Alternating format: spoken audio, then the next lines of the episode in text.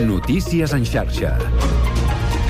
Bona tarda, són les 4. Us parla Mercè Roura. La Confederació d'Associacions Veïnals de Catalunya, la Confap, s'ha mostrat crítica amb la gestió de la sequera que està fent el govern de la Generalitat.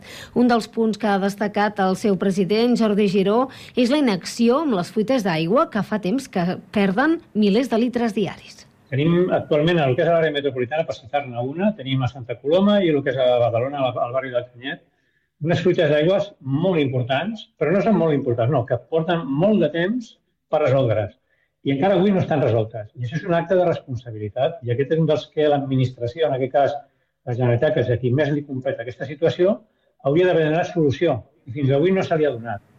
Una crítica que ja s'afegeix a l'ajustament avui que feien ecologistes de Catalunya i una vintena d'entitats mediambientals que han denunciat la gestió del govern català amb la situació de sequera que viu el país.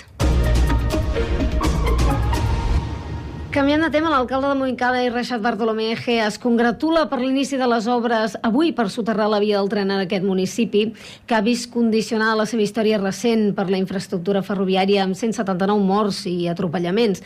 L'alcalde ha demanat tranquil·litat a la ciutadania davant dels més de 6 anys, eh, ara que comencen les obres. Avui és un gran dia per Montcada i Reixac, després de 40 anys de reivindicacions, de la plataforma, de la taula, i avui diem sí, ara sí, soterrem Avui és el dia més important per Montcada. Sabem que les obres les tindrem que patir, però bueno, seran sis anys, que potser serà una mica més, d'obres, però que podem cosir Montcada i que Montcada sobretot sigui més segura.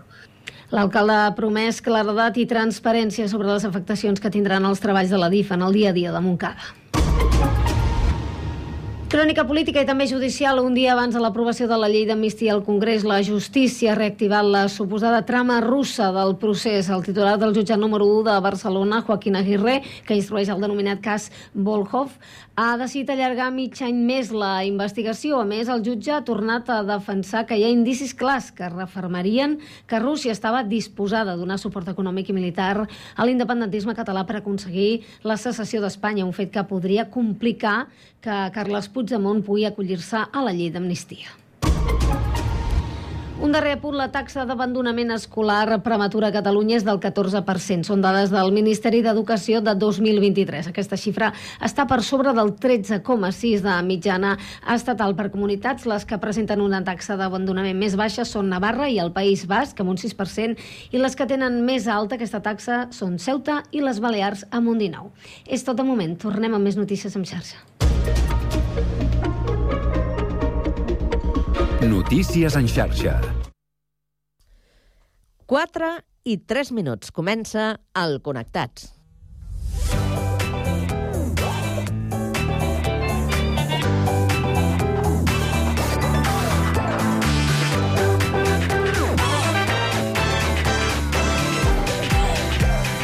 Connectats amb Carme Reversa.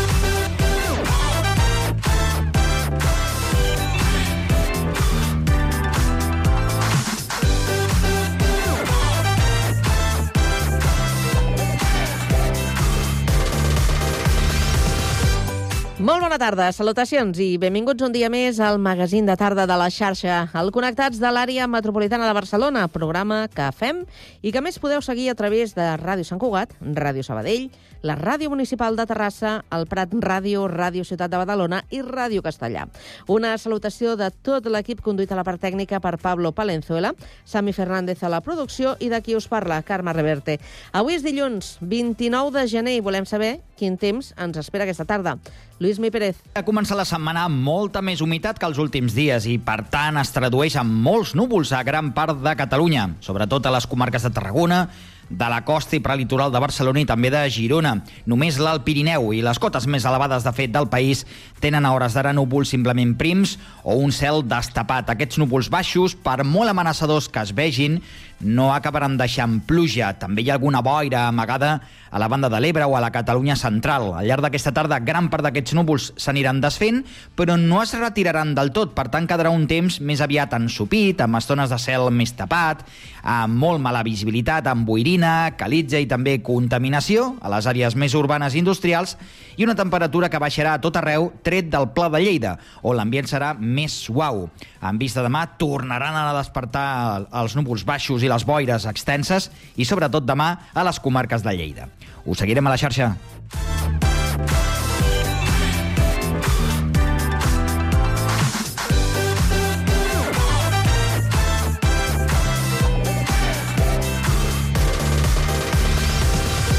Bé, doncs avui al Connectats ens interessem per les ITS, les malalties de transmissió sexual. En parlarem amb Laura Balcells, que és ginecòloga de l'Hospital Universitari Mutu a Terrassa.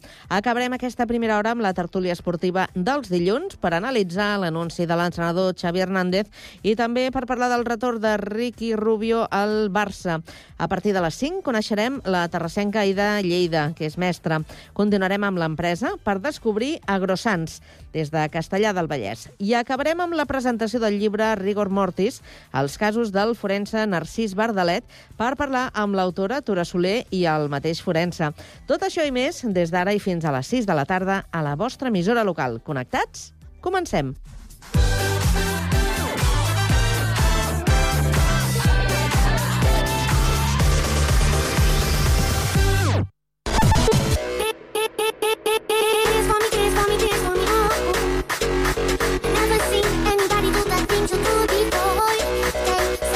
Connectats, una experiència radiofònica a Sabadell, Terrassa, Sant Cugat, El Prat, Castellà i Badalona.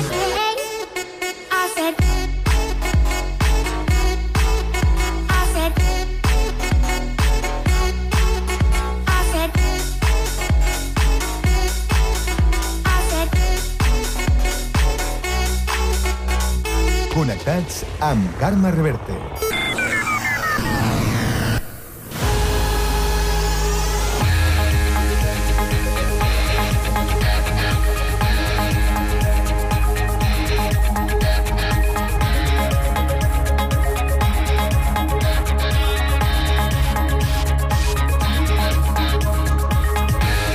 Les 4 i 7 minuts ens actualitzem i ho fem amb la ronda d'actualitat que un dia més obrirem per Terrassa. Sergi Estapé, bona tarda. Bona tarda. Unes 2.600 persones han participat aquest diumenge en la Toyota Mitja Marató de Terrassa, una competició que tenia com a propòsit reduir el rècord dels 21 quilòmetres per sota de l'hora de durada. Malgrat que no s'ha pogut aconseguir aquesta fita, sí que s'han establert noves marques en les dues categories. El canià Mike Boyd ha estat el guanyador i la també caniana Nancy Shepelting ha repetit pòdium i a sobre ha establert un nou registre. La tercera classificada a la general ha sigut una terrassenca, Maria Ruiz. L'atenció estava centrada en els sis canians que l'organització de la mitja marató de Terrassa havia convidat per a l'edició d'enguany. I el propòsit s'ha aconseguit a mitges perquè si bé no s'ha rebaixat la marca dels 60 minuts com es pretenia, sí que s'ha aconseguit retallar el temps de l'any passat que va establir el guanyador. Mike Boyd ha guanyat amb un temps d'una hora 2 minuts 28 segons. L'ha seguit Albert Cangogo amb una hora 3 minuts i 3 segons. Quan a la categoria femenina, Shepperting ha repetit mèrit i per segon any consecutiu s'ha proclamat guanyadora amb un temps d'una hora 10 minuts 35 segons, una marca significativament per sota de la registrada l'any passat. Doris Jepkoek està la segona amb una hora 16 minuts i un segon. Gràcies, Sergi. I ara, des de Sabadell, ens informa Pau Duran. Bona tarda. Bona tarda. Avui ha començat el soterrament de les vies de la línia R2 de Rodalies al seu pas per Montcada i Reixac, una fita que arriba després de molts anys de lluita i reivindicació. Ara com ara es comptabilitzen unes 180 víctimes mortals que han estat atropellades, principalment en els punts per creuar-les al centre de la localitat. En total s'hi invertiran 540 milions d'euros, als quals cal sumar-ne 30 més per les obres d'adequació de l'estació de Montcada Bifurcació. Bartolo Egea, alcalde de Montcada, recorda que són el municipi d'Espanya amb més estacions de tren en superfície. Ara mateix, eh, Montcada, no sé si el coneixeu bé, són 25 quilòmetres de via que tenim, és el municipi d'Espanya que més estacions tenim, i només tenim una que compleixi, diguéssim, totes les normatives de mobilitat. Això que farà? Que aquestes obres, que són de 540 milions d'euros, amb una partida més de 30 milions podem dignificar el que és l'estació de Can Sant Joan, Montcada Can Sant Joan i Montcada Centre, que serà l'estació nova que quedarà molt més accessible, moderna, sostenible. L'obra està previst que es finalitzi amb un període de 7 anys. Serà un temps de força molèsties, com ara talls de trànsit i pols. Gràcies, Pau. I ara, des del litoral i concretament des de Badalona, ens informa Andrea Romera. Bona tarda. Bona tarda, Carme. Sindicats educatius de Badalona i FAMPAS registren una instància a l'Ajuntament de Badalona per reclamar un pla integral de remodelació i modernització dels equipaments educatius. Denuncien l'estat precari que presenten, assegurant tots els centres de la ciutat. Es tracta d'un problema global que afecta tots els instituts i escoles públiques de la ciutat, diuen. Pateixen de goteres, humitats, problemes de climatització i finestres trencades, entre d'altres. És per això que tant representants dels treballadors com de les famílies han exigit que el govern dignifiqui els centres educatius amb una aposta pressupostària clara. La solució, apunten, passa per un pla integral que blindi el manteniment a llarg termini. Núria Sabatés, portaveu de FAMPAS Badalona. un pla de manteniment integral de les escoles a llarg termini. I, evidentment, el que seria ideal és que fossin tots els partits polítics que acceptessin aquest pla i no que quan hi hagués un canvi de govern, si en algun moment hi ha o el que passés, no fessin el deixo al calaix i començo de zero. És a dir, ha de ser una cosa global de tots els partits polítics, perquè si no, d'aquí uns anys ens podem trobar en la mateixa situació. Entre els mesos de febrer i març, els sindicats escolars tenen previst visitar tots els centres educatius públics de la ciutat. L'objectiu és elaborar un informe de l'estat actual dels equipaments i presentar-lo al Consell Escolar Municipal. Gràcies, Andrea. Seguim encara al litoral i una mica més al sud, des del Prat de Llobregat, ens destaca l'actualitat de la jornada. Lluís Rodríguez, bona tarda. Bona tarda. La Fundació Rubricatus al Prat de Llobregat promou entre les seves persones usuàries i les famílies la xarxa social Dinder Club. És una aplicació que posa en contacte persones amb discapacitat intel·lectual per potenciar les relacions, l'efectivitat, els vincles, amistat i els drets sexoafectius d'aquest col·lectiu. L'aplicació té un nom que recorda al del Tinder i ofereix un registre individualitzat i validat per professionals a través de les entitats socials. Escoltem el seu desenvolupador, Axel Gairí. Sempre diem que tota persona, tingui discapacitat o no, té les mateixes necessitats sexafectives, no? relacionals, d'oci, que qualsevol altra persona. Llavors, sí que, que és, és, un, és un tema doncs, una mica delicat, o que hi ha persones doncs, que en tenen d'una manera i altres d'una Sí. altra, però el que sí que hem d'intentar és oferir les màximes oportunitats possibles, no? El servei es desenvolupa en un entorn segur amb registre i seguiment i hi ha una gran tasca de prevenció, anticipació de problemes i control per garantir al màxim la seguretat de les persones usuàries. Gràcies, Lluís. Tornem al Vallès i ara ens quedem a Castellà. Jaume Clapés, bona tarda. Bona tarda. Obre a Castellà un nou centre de medicina xinesa. El local, ubicat a l'Avinguda Sant Esteve 73, està regentat per Gemma Capel, graduada en Medicina Tradicional Xinesa a l'Escola Li Ping de Barcelona. El nou establiment tracta les especialitats de ginecologia, fertilitat, menopausa, dolor, ansietat i mindfulness. Capel ofereix tractaments naturals de medicina xinesa com l'acupuntura, maxibustió, ventoses, nutrició, massatges i meditació. El centre té com a màxima la frase «En l'equilibri trobaràs el teu benestar». Segons Capel, em dedico a acompanyar les dones a viure una vida plena i sense dolor. La medicina xinesa, segons Capel, té una visió i una perspectiva molt diferent a la que estem acostumats aquí. Aquesta medicina mil·lenària busca l'equilibri i tractar l'ésser humà com un tot. Gràcies, Jaume. Abans d'acabar, un repàs de l'actualitat de Sant Cugat que ens porta Sami Fernández. Bona tarda, Sami. Molt bona tarda.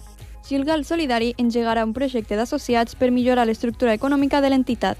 L'objectiu és enfortir l'organització una mica feble amb la contractació de dues persones en règim de mitja jornada.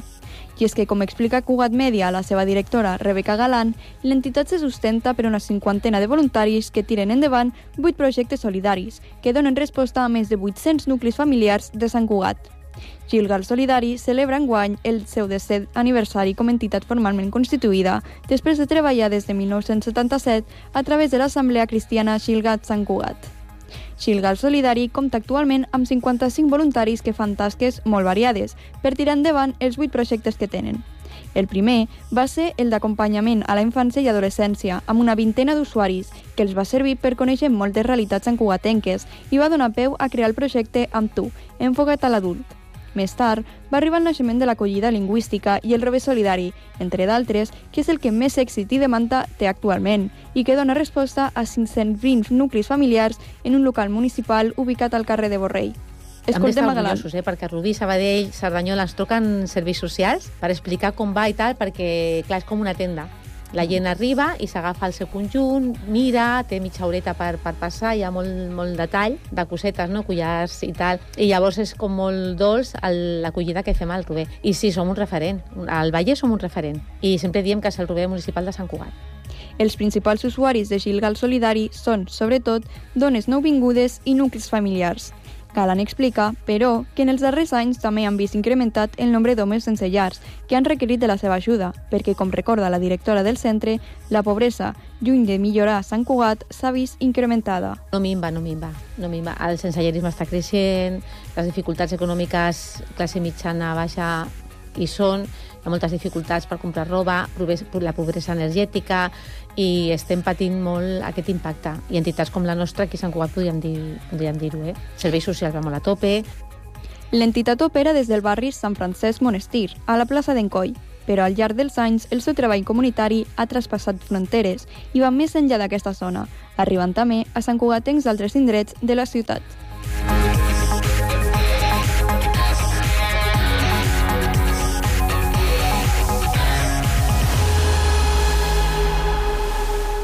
A la tarda, no et desconnectis. A la teva ràdio local, connectats. Can't touch this. Can't touch this.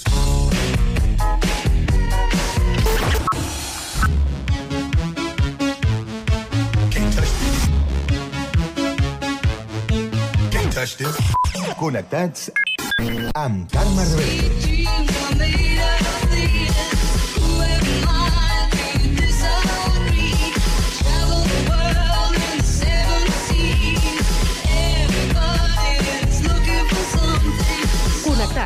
Una experiència radiofònica a Sabadell, Terrassa, Sant Cugat, El Prat, Castellà i Badalona.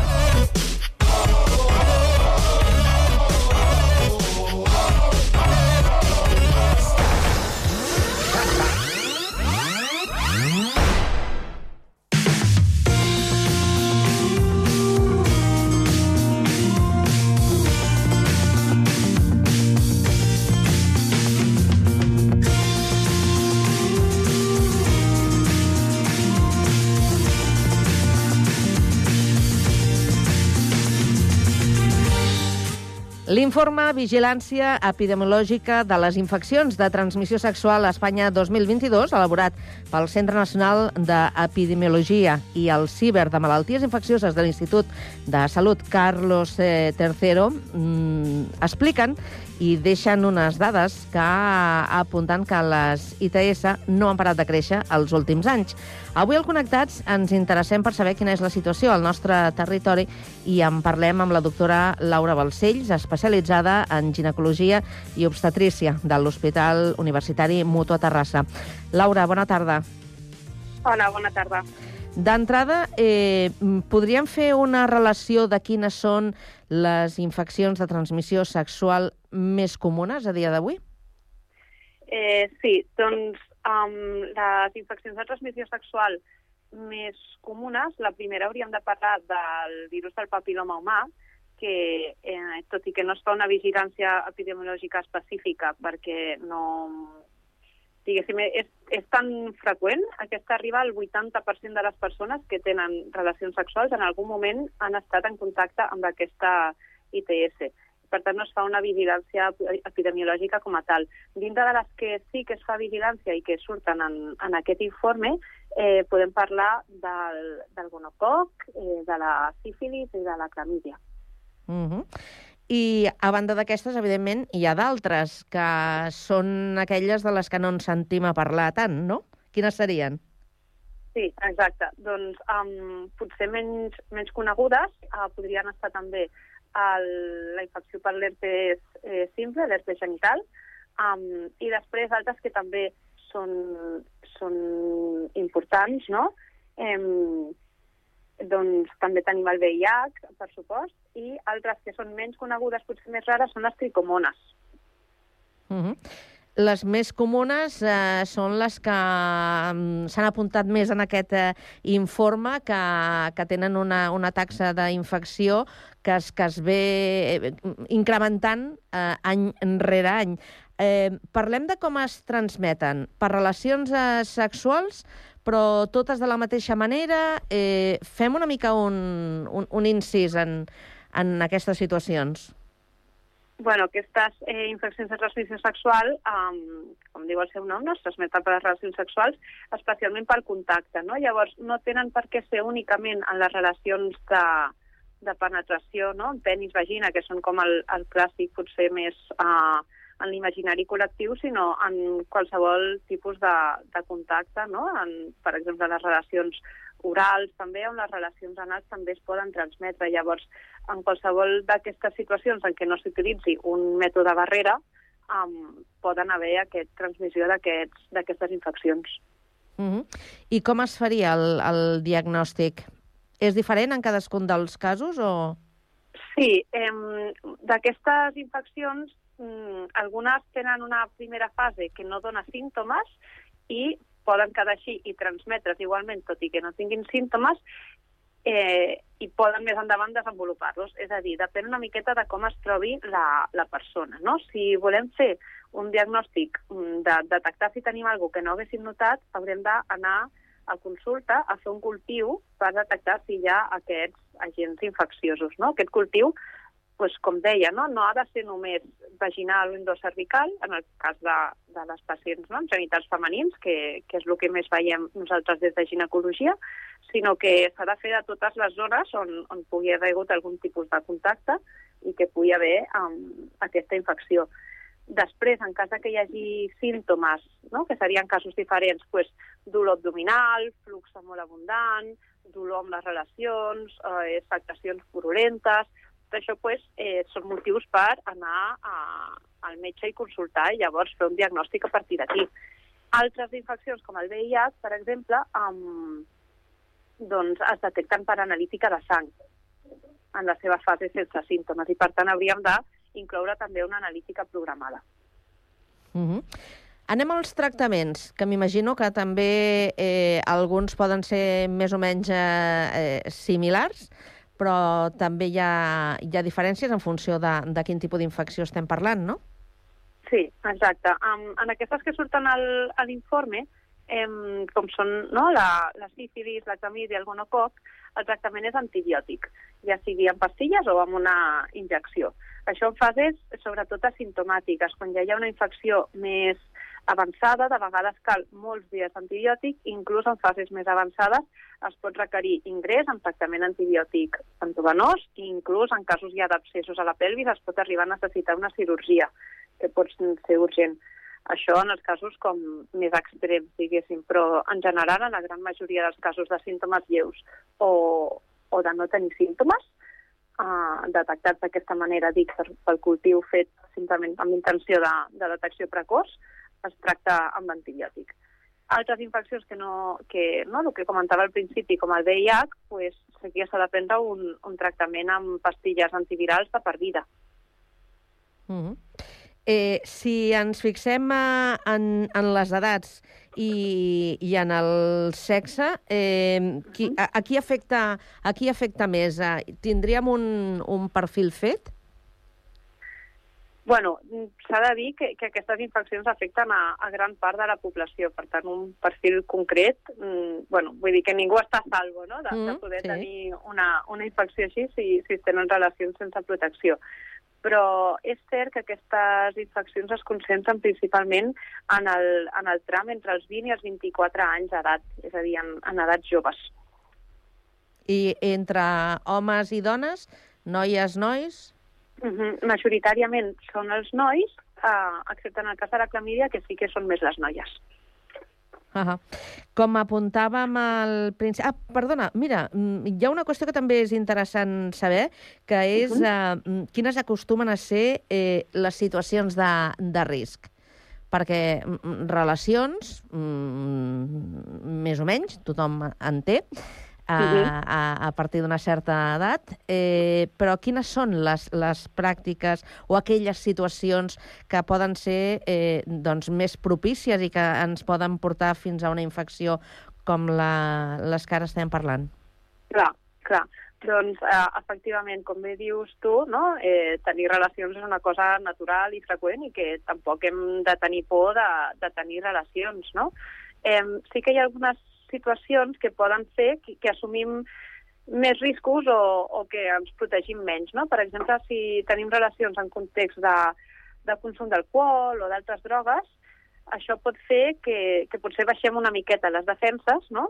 La, les alertes, i tinguem més tendència a, a pues, tenir relacions amb més d'una parella o, o si tenen relacions amb múltiples persones, fer-ho sense la protecció del mètode barrera. Llavors aquí és quan estaríem en un major risc de, de transmissió, sí.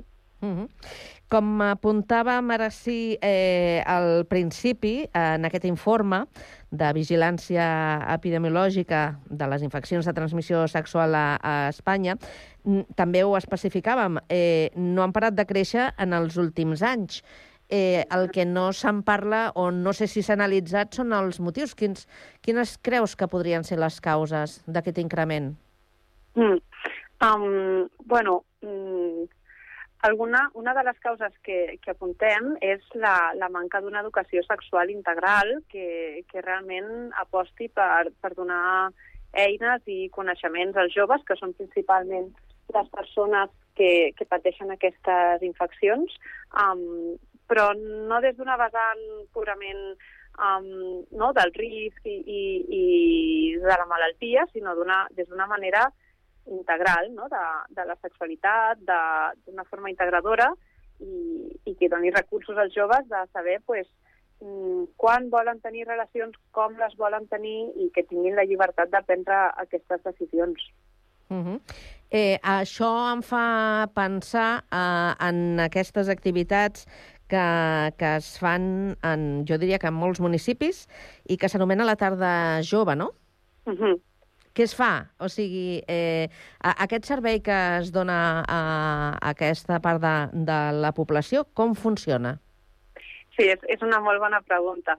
Um, de fet, un dels altres motius no, que porten a que puguin haver més infeccions és, és potser aquesta por o aquest reparo a, a consultar en el metge per part dels joves. No? Nosaltres ho intentem combatre una miqueta des de la tarda jove. És un servei que oferim uh, que, que consta normalment de una llevadora, una infermera, ginecòloga, que estem oberts. A cada municipi és a, a una tarda en concret de la setmana i s'ofereixen visites concertades, però també hi ha una porta oberta de manera que les, les usuàries de fins a 25 anys poden consultar de forma espontània, apropant-se al taulell, i se les in- intenta atendre en, en el moment. Per Però- exemple, a Sant Cugat ho fem els dimecres a la tarda. Uh -huh. Però entenc, Laura, que és un servei que només s'ofereix a, a les noies? Bueno, um, atenem mm, en general a persones que, que és un servei des, del, des de la consulta de ginecologia. Uh -huh. Ah, llavors, ah, atenem a tot tipus de persones que tinguin genitals femenins, siguin noies, siguin nois trans, eh, que necessitin aquest tipus de suport. I mm, si hi ha algun jove, un noi que necessita alguna cosa, eh, doncs puntualment es pot mm, atendre o donar sortida, per exemple, també doncs, a les parelles de, no, els homes, els nois cis, que són parelles de noies, doncs a vegades venen, ens consulten també alguna cosa, però principalment és un, un servei més de vessant ginecològica. Llavors, la meva pregunta és, i els nois, eh, si tenen o se'ls se hi planteja algun dubte, alguna qüestió que vulguin consultar, que no sé si farien el, el, el pas, m'imagino que sí, si tenen, tenen aquesta necessitat, eh, com ho fan? Bueno, poden atendre tant el seu metge de família, eh, també el, el, en tot cas a l'uròleg, si ho necessitessin, eh, i, i um, també hi ha serveis específics per, sí. per homes que tenen sexe amb homes, eh, hi ha consultes específiques, mm, també depenent no, de cada cap, de cada municipi, i hi ha també serveis com, com el Checkpoint, on poden, que està a Barcelona, és un servei que es dona a Barcelona, on poden consultar. I el, quins diries tu que són els principals dubtes que, que plantegen eh, les persones que, que van a la tarda jove? Quins dubtes, quines problemàtiques tenen? Bueno, moltes problemàtiques en general relacionades amb la sexualitat. La sexualitat no són només infeccions de transmissió sexual, no? És, és un tema molt important i que, evidentment, pues, és de lo que parlem avui i és... Um, no? Realment hem de fer un esforç entre tots per, per prevenir-les, per disminuir-les, però dubtes sobre sexualitat hi ha molts. Eh, sobre mm, anticoncepció, sobre eh, si tenen dolors en les relacions, sobre eh, com gaudir de les relacions o una relació de parella, pues, moltes d'aquestes coses les, les tractem des de la consulta de la tarda jove. Intentem, ja et dic, com com deia que l'educació sexual havia de ser de forma integral, doncs la nostra atenció també. Uh -huh. eh, L'altre dia, precisament, eh, parlàvem a, arran d'aquest informe i mm, coincidíem a, a dir que eh, informació n'hi ha molta. En, en aquests moments hi ha molta informació i, a, i a més, molt, molt accessible. Però si estem parlant d'educació, eh, que, és una altra, que és una altra cosa, tu creus que realment eh, mm, la, les generacions més joves que es troben amb, aquestes, eh, amb aquests dubtes, amb aquestes problemàtiques, eh, estan prou ben educades? Mm, jo personalment crec que manca molta informació, eh, molta, bueno, no in informació ben bé, sinó una educació integral. És a dir, uh, falta molts coneixements sobre pues, això, la part afectiva de les relacions, sobre consentiment, sobre mm, tot el que és la sexualitat des d'un punt de vista més global. Uh -huh. Eh, una última qüestió. Eh, comparteixes l'opinió d'alguns experts que consideren que caldria fer més campanyes de conscienciació per intentar aturar aquesta escalada en la taxa de, de les eh, ITS? Jo crec que sí, que, que la, no, la, les campanyes de prevenció són importants, però ja dic, crec que per si soles, si no van acompanyades d'una educació integral també efectiva, no només sexual i dels riscos, sinó també efectiva, crec que per si soles aquestes campanyes poden tenir un, un efecte limitat. Uh -huh. Molt bé, doncs uh, ho deixem aquí. Laura Balcells, especialitzada en ginecologia i obstetrícia de l'Hospital Universitari Mutua de Terrassa. Moltíssimes gràcies i bona tarda. De res, Carme, bona tarda.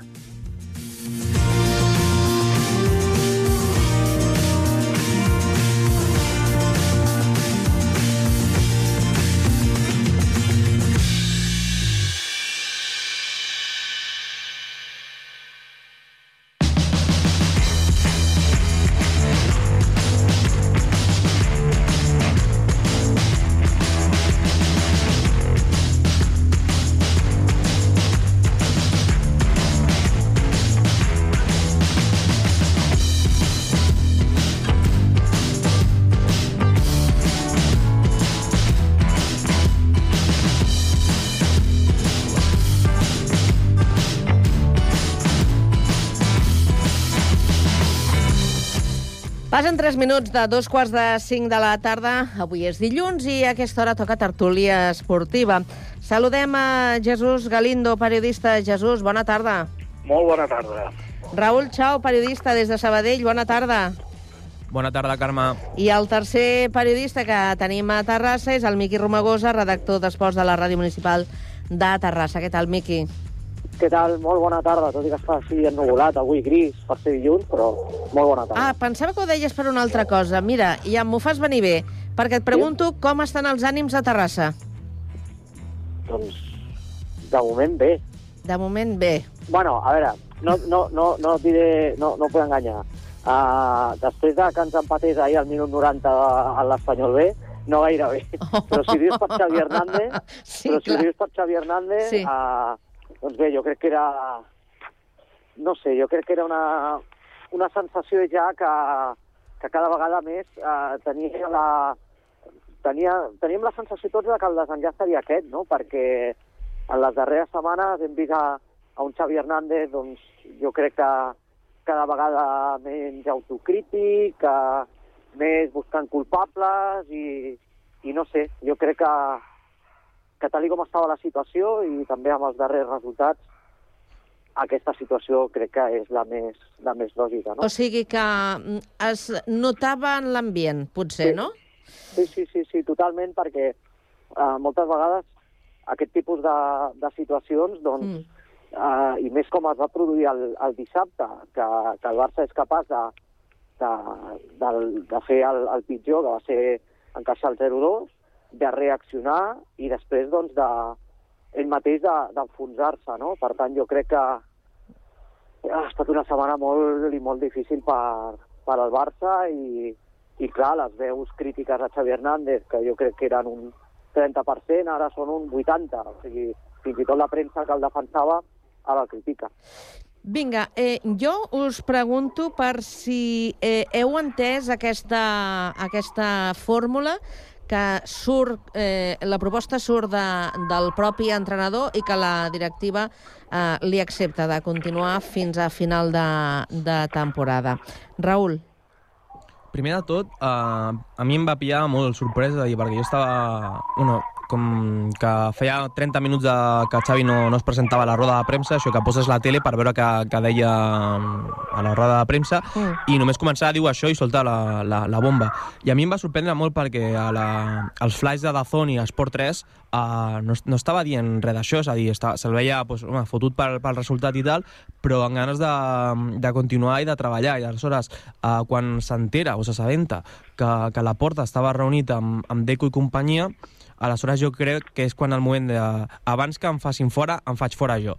Però jo crec que la seva decisió, no sé què penseu vosaltres, però per mi és, un, és una errada de Xavi i és una errada comunicativament del seu entorn i una errada monumental de la porta. És a dir, tu no pots mantenir a Xavi Hernández fins al 30 de juny i a més tal com estan sortint les coses. És a dir, el Barça es juga mantenir-se a la Champions entre els quatre llocs i Xavi eh, jo crec que s'ho juga tot a una carta de dir, mira, mm, jo faig això, però ara us toca a vosaltres rematar la feina, però és que uh, jo crec que el Barça té, una plan té un dèficit a nivell de plantilla molt gran, que és que mm, no té jugadors per competir contra el Madrid i contra el Girona, és a dir, a nivell del mig del camp, el pivot, és a dir, és una posició en el futbol modern que és la capital i el Barça no té cap jugador al, al, al pivot defensiu i es gasten els diners amb Víctor Roque que, en tots els respectes, ara mateix crec que era una posició que no calia reforçar.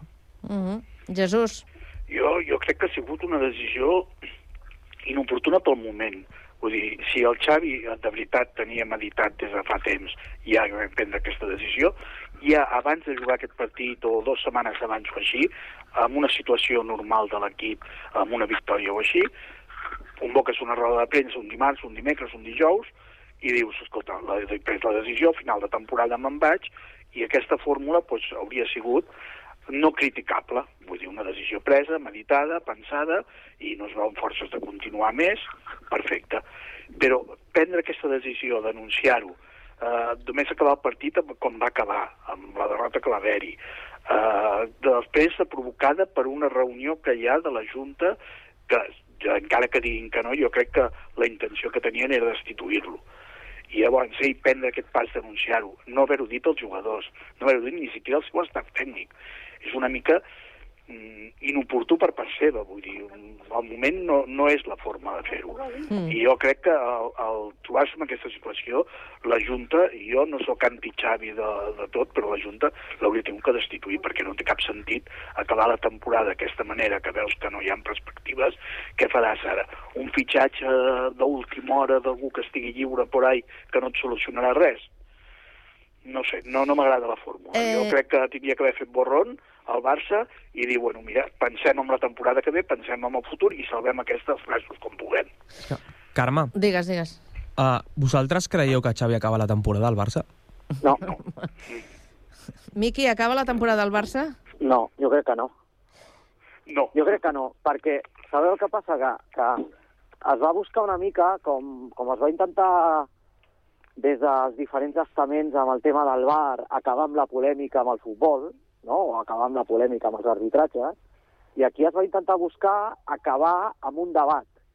I l'únic que s'ha fet és obrir-lo encara més, perquè eh, no es tanca el debat a la continuïtat de Xavi. Ara s'obre un altre debat, que serà, un, per què no ha dimitit, dos, per què continua, si és un tema econòmic, si és un tema del mateix entrenador, eh, s'obren ara tot un seguit de jugadors que, que estan o no amb l'entrenador, s'obre també doncs, la finestra amb qui serà el proper entrenador, si serà o no Márquez, si serà Klopp, o sigui, tot això provoca, lògicament, que li preguntin a Rafa Márquez si ell eh, li diuen d'agafar el primer equip, si l'agafarà. O sigui, s'obren tot un seguit de debats que, que si us doneu compte, eh, al final el que s'ha fet és tapar el més important, que és que el Villarreal li va fotre 5 al Barça, al Lluís Companys. Home, o, o, o potser, Miqui, coses més importants, perquè un partit és un partit. El Sí. que s'està tapant són altres mancances, que, que parlen més a, a nivell de club. Correcte, sí. però clar, aquest 3 a 5 reflexa una mica l'autodestrucció de, de, del Barça, no? la situació del Barça. Uh, o sigui, uh, venim d'un mes de gener on el Barça ha quedat Ui. Manera que va quedar a la final de la Copa del Rei, tot i que va competir, però al final uh, quedes eliminat, amb una figura de Xavi molt i molt tocada, amb una economia del Barça molt i molt tocada, i amb un cap de setmana on, uh, i, i avui llegia dades, des dels anys 60 que el, que el Barça no li marcaven 5 gols a casa. Sí, sí. Llavors, ah, estem parlant de que, de que, clar, és que tot és negatiu, fins i tot el que havia de ser una decisió que fins i tot ah, hagués, ah, hagués estat bona, no? que és Xavi dona un pas al costat i, i, i ja està, no? Hmm. Però tot això fins i tot ha sigut criticat, no? el fet de continuar fins al 30 de juny.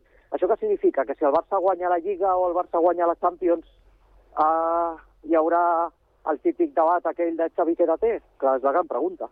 Mm. És Eh, que, a més, digues, digues, Raül. No, dic que, per exemple, a Valverde, a Valverde el fan fora eh, tornant de l'avió d'Aràbia Saudita quan eh, fa un partit brutal però perd en semifinals i a Valverde el fan fora que era un entrenador que guanyava les lligues. Uh, Xavi és el que deia, jo en una part estic d'acord amb, amb el Miqui, és a dir, uh, ara mateix uh, hi ha dos, dos persones que es juguen sí o sí a la vida del Barça. Una és Xavi, d'aquí a final de temporada, l'altra és la porta. És a dir, si Xavi no va bé, la gent demanarà a la porta que el faci fora. Ara qui s'està lliurant d'estar en aquest primer pla són els jugadors, quan haurien de ser els que són els principals culpables perquè Mm. no estan rendint a, un nivell uh, mínim accessible per, per, per jugar al Barça. És a dir, uh, veies el partit contra el Villarreal, l'últim gol del, del conjunt groguet, Araujo està uh, tirant una ampolla del porter del Villarreal i no baixa a baixar quan el Villarreal està fent una contra i et fot, et fot 5 gols. És a dir, que el Barça ha rebut 5 gols del Villarreal, 4 del Madrid, 4 del Girona, 4 de l'Atlètic. És a dir, mm, jo, és a dir, jo tinc 20, 24 anys i jo mai he vist això al Barça. Però escolteu una cosa, ja vam parlar fa eh, alguns dilluns del lideratge a l'equip i no vam trobar un líder.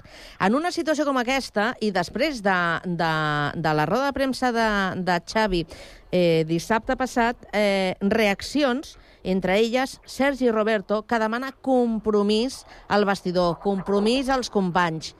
Senyors, mm, i apunto en la direcció que tu estaves comentant. Ara, Raül, com pot ser que un equip que se suposa que millora l'equip de la temporada passada sigui incapaç de, de fer un bon partit sencer? És que els millors jugadors del Barça d'aquesta temporada són els joves, és a dir, són menors d'edat, és a dir, la Yamal té 16 anys, Pau Covarsí uh, va fer l'altre dia 17 anys, uh, Héctor Ford té 17 anys, és a dir, que tres jugadors joves siguin els millors del Barça han de fer a tots els veterans de dir-li què cony esteu fent? És a dir, que Lewandowski, el, la temporada de Lewandowski és mm. horrible i té un any més de contracte on és el seu pic més alt de, a nivell contractual. I, i, Eh, i, i Condé, I Condé, és que el, és a el, el dir... més fort de tot, més fort de tot és que uh, imagineu-vos la situació, el Barça uh, diuen no, és que no es pot fitxar, és que el Barça està en situació econòmica malament. El Barça, des de que ha arribat Xavi, ha fitxat a 18 jugadors. Vale? Potser que no és el que volia Xavi, però ha fitxat a 18 jugadors. Després, quins són els jugadors que més bon rendiment estan donant? Els de la casa. Vale? I a partir d'aquí, eh, si el Barça arriba a tenir bona situació econòmica, hagués apostat tant, tant, tant per la cantera, potser amb algun jugador sí, No. però en tots no. Llavors, clar, què passa? Que eh, Xavi porta dos anys i mig al, al càrrec de, de, com a entrenador, més o menys. Vale? Luis Enrique crec que va estar 3 anys, Guardiola va estar 4, a Valverde va estar, em sembla que són dos anys i mig, i Valverde va aconseguir eh, dos lligues, una copa, i quan el van destituir anava líder. A, a Xavi l'han eh, eliminat quatre vegades de, de competició europea, recordem, dos vegades de la Champions i dos de l'Europa League. A Koeman, amb la meitat, se'l va condemnar des del principi. Per tant, jo crec que quan a vegades diu Xavi, no, és que a mi m'han faltat el respecte, és que a mi m'han sigut crítics. Jo crec que cap entrenador en un club gran aguanta quatre eliminacions de- d'una competició europea i, i alguns partits doncs, davant rivals com l'Atlético de Madrid o, o, o el Madrid que han sigut força greus, o la derrota amb el Girona, per exemple. Però llavors, eh, imaginem que tenim un pacient que és l'equip. L'equip del Barça actual, és el pacient. Quin és el diagnòstic que, que faríeu? Quin és el problema? On trobem la malaltia d'aquest pacient? Mira, Per mi jo... legal. Per mi... Vinga, Ja primer dic- Jesús, Jesús i Raül, vinga. No, jo, jo el, que deia, el que volia dir és que eh, la malaltia, la malaltia eh, és general, o sigui, eh, hi ha l'economia, que és la gran malalt, la malaltia que té el Barça, que l'economia és pèssima i no s'ha pogut fitxar bé, s'ha fitxat el que ha vingut, que ha vingut, que no volia el Xavi, i també eh, part de la malaltia jo crec que té la culpa el propi Xavi. El Xavi mm, no ha donat continuïtat als jugadors. Eh, a part de les lesions, han hagut moltes lesions i això, evidentment, s'ha de cobrir. Però a part d'això, eh, alineacions allò tipus, una alineació tipus que tinguis que substituir un lesionat o tinguis que deixar no hi és amb aquest Barça. Cada dia juga un de diferent. El de Minyamal o tant és titular com estava a la suplència. Eh, tots, tots ballaven, vull dir, ningú té confiança. I la falta de confiança amb els jugadors és bàsica. I jo crec que el problema, el gran recriminació que se li pot fer al Xavi és que no ha donat continuïtat i confiança en un equip. I no em vinguin amb el cuento dels partits, de que hi ha molts partits i que s'ha de combinar i ha de jugar tothom. No. Un equip ha de tindre una base i has de fer retocs i donar descansos, però fent retocs, però tindre una base.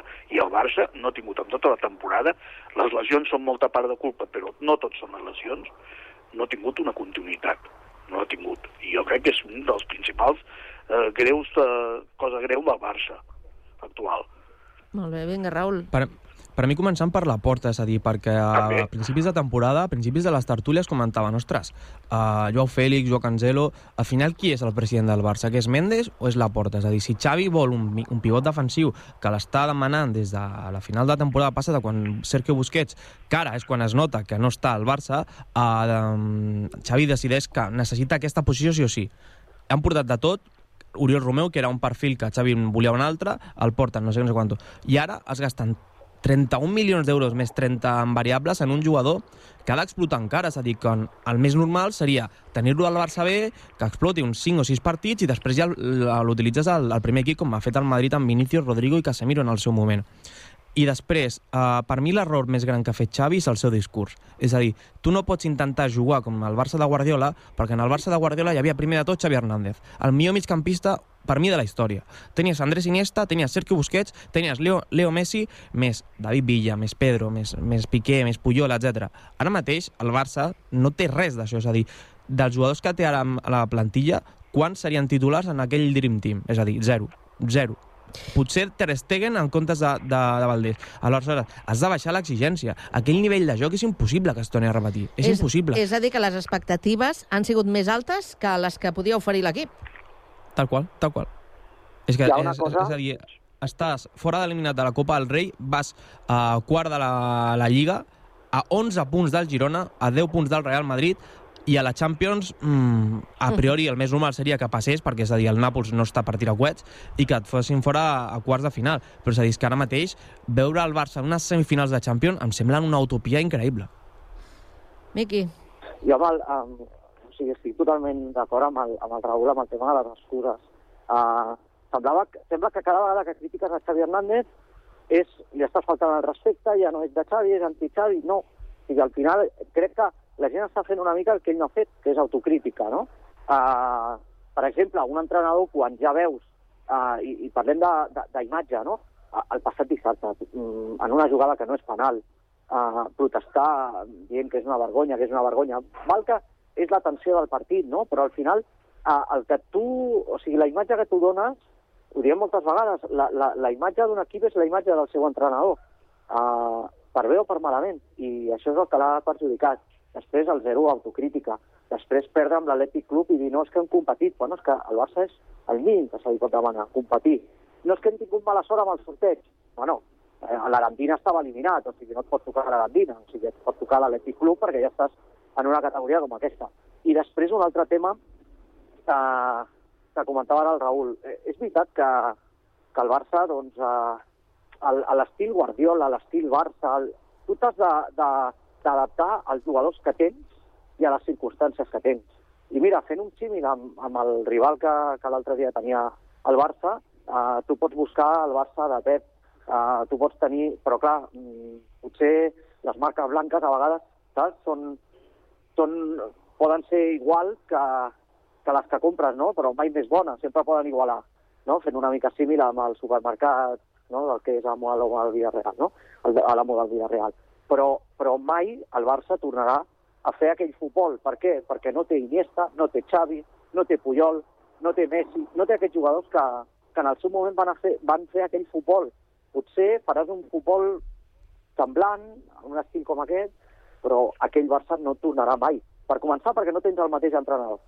I a partir d'aquí, doncs, ja no tens els mateixos jugadors ni els mateixos rivals, o sigui, tot ha canviat. Mm. Veurem eh, dimecres eh, que, que juga a Montjuïc amb l'Ossassuna.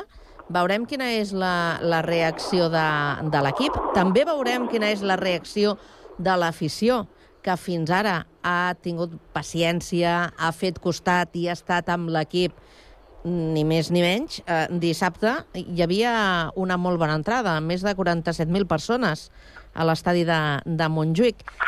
Eh, veurem quina és la reacció dimecres, però com, com us espereu la resta de, de la temporada? Penseu que poden canviar les coses? Jo ho veig molt difícil, és a dir, perquè és que portem ja moltes jornades i són les mateixes, és a dir, que si mm, aquesta tertúlia, en comptes de que Xavi hagués dit això, eh, no hagués dit res, i fos una tertúlia normal d'un dilluns, seria una més, és a dir, és que això ja ho hem dit durant tota la temporada. El Barça té un problema a nivell defensiu que és de- d'esquelet. Si no tens un pivot defensiu, eh, aquest Barça pateix moltíssim. I si a més a més tens Araujo, que està jugant eh, molt, però molt entre, entre algodons, eh, vas sumant coses, vas sumant coses, vas sumant coses, i sobretot, per mi, ara mateix, que Ter Stegen es nota un munt, però un munt, perquè, perquè Iñaki Peña traient el partit contra el Madrid i possiblement el partit contra l'Atlético i el dia de l'Oporto, eh, la temporada d'Iñaki Peña està sent una mica desa- de- desaladora. Mm. És que, és que el, el, el Ter Stegen era molt bàsic amb l'equip, perquè donava confiança a la defensa i jugava... Eh, controlava tot allà, i ara no ningú controla res. L'Ivan l'Ivan Penya no controla res, el, el, no controla absolutament res, vull dir, eh, no, els veu els jugadors que dubten, no tenen confiança. Algun despeje que fan és perquè ell no surt a buscar la pilota, no dona cap confiança. I després, el que dèiem d'aquí la final de temporada, jo espero poca cosa més del que hi ha. Vull dir, el Barça anirà tirant, anirà tirant, potser guanya, guanyarà potser el dimecres al Sassuna, eh, es classificarà passant al Nàpolis i després ja veurem què passa, però anirà a trompicones fins a acabar la temporada. I jo crec que és el moment de, de, de plantejar. Classifiqueu-vos per, per competició europea, ja no dic per Champions, per competició europea. Com sigui, classifiqueu-vos, perquè si no sí que serà un desastre econòmic, eh? i comencem a planificar la temporada que ve, però amb cara a lluís. Amb cara a lluís, no fitxar per fitxar, com s'ha fet aquesta temporada, de que, bueno, mira, Joan Fèlix i Cancelo, perquè estan a tiro, els posem. Què estan aportant? No estan aportant gaire cosa. Eh, vull dir, no, fitxem amb coherència, bé, i anem tirant endavant i pensem en la temporada que ve. Aquesta temporada jo és que quasi m'oblidaria acabar-la com, com es pugui. És trist, però és així. Carme, uh, um, una cosa que ha dit el Jesús, uh, Mitchell, uh, sobre la problemàtica que tenen amb els centrals, uh, que no tenen ara mateix centrals, tenen només a Daily Blind, uh, li van fer la pregunta de si fitxarien algun central, és a dir, i va dir, l'única condició que nosaltres fitxem un central és que sigui un jugador que ens aporti ara i de futur, és a dir, no fitxarem alguna cosa que no ens serveixi ni, de, ni per ara ni per futur. I jo crec que això és el que ha de fer el Barça, és a dir, ha de fer fitxatges per ara i per futur, és a dir, no pots fitx, el teu fitxatge estrella un davanter que té 34 anys, que durarà el primer any i després les, hauràs d'estar hipotecant el teu futur durant dos anys, és a dir, és que això són coses que no s'entenen, perquè és uh, pan per hora però hambre per mañana, i jo crec que per mi Sí. és, uh, aquest és el culpa, la culpabilitat que hi ha al Barça, és a dir, que no hi ha ningú al, al volant. Ja, ja, ja. No, el lideratge, el que dèiem abans, però ja eh, eh, a, a, a, estès a, a, a tota la- l'entitat. Eh, no sé, potser algú eh, a dia d'avui es pregunta per què han servit les palanques. Perquè ja no en queden més, no?, de palanques o poca cosa. Com no fitxen algun jugador que es així, Ui, ui, ui, espera, espera, Miqui, vinga. no, que com no fitxen algun jugador que es digui Palanca, em sembla que no... No hi havia un, ja? Sí, sí, sí. Ah. Però està retirat, crec, no? sí, ja té uns anyets. Eh, eh, Jesús, què anaves a dir? No, no, que això de les palanques n'hi ha una que està pendent de cobrar, però que estan en conflicte i negociant i renegociant i no sé què, i ja està, i ja s'ha acabat, i les palanques no és cap solució. Les, la solució econòmica del Barça passa per bons resultats, eh, guanyar partits, classificar-se per finals de Champions, guanyar lligues, i això solucionarà el tema econòmic. Mentre anirem de malament en pitjor. Si el, si el Bayern t'ofereixen 100 milions per Araujo, és a dir, jo crec que tothom el, el venia, és a dir, perquè és que ara mateix el Barça el que necessita és diners, necessita diners com, com el dinar, és a dir, i a partir d'aquí construir, és a dir, que la gent mm, s'oblidi de triplets, de sextets, és a dir, això és història i això és d'un Barça i, històric. Ara, per ara és una altra època i és un altre moment de la història del club i s'ha d'anar pas a pas. Mm. Quan has dit 100 milions, sort que no està Núñez, eh? perquè s'hagués posat malalt, eh? Amb els 100 milions d'euros, amb els euros. Segur que, que us imagineu algun gag ja, eh? Sí, que venguin el que hem de vendre per això. Que venguin el que hem de vendre, que no venguin del futur. Que no comencin a vendre la misla Yamals i coses Exacte. així. Això, això sí que no s'ha de vendre, no s'ha de tocar. Ja. I els han de cuidar, i els han de cuidar. Exacte. De, molt ràpidament, eh, us sembla una bona notícia el retorn de Ricky Rubio al Barça? De moment per entrenar, eh, només? El més important és que ell sigui feliç jugant a bàsquet. I a partir d'aquí que jugui on sigui. Mm. Jesús? Totalment d'acord. És una gran notícia que ell es vegi amb forces de començar a entrenar i de començar a pensar en el bàsquet després del que ha passat, de, de la crisi que ha passat i això, i és boníssim. I si acaba jugant al Barça, fantàstic. Molt bé. Miqui, tanques. Gran notícia que hagi tornat, gran notícia que estigui bé, i també gran notícia de que la gent perdi la por per explicar el que li passa sense pensar el que diran i que pugui servir per moltíssima gent que estigui passant per coses com aquestes i que el missatge final és que de tot es pot sortir amb treball, amb força de voluntat. Molt bé, doncs uh, fins aquí la tertúlia esportiva d'aquest dilluns. Gràcies als tres, que tingueu una molt bona setmana, que vagi bé. Moltes gràcies. Adéu, adéu, que vagi bé, bona Adéu. setmana. Adéu.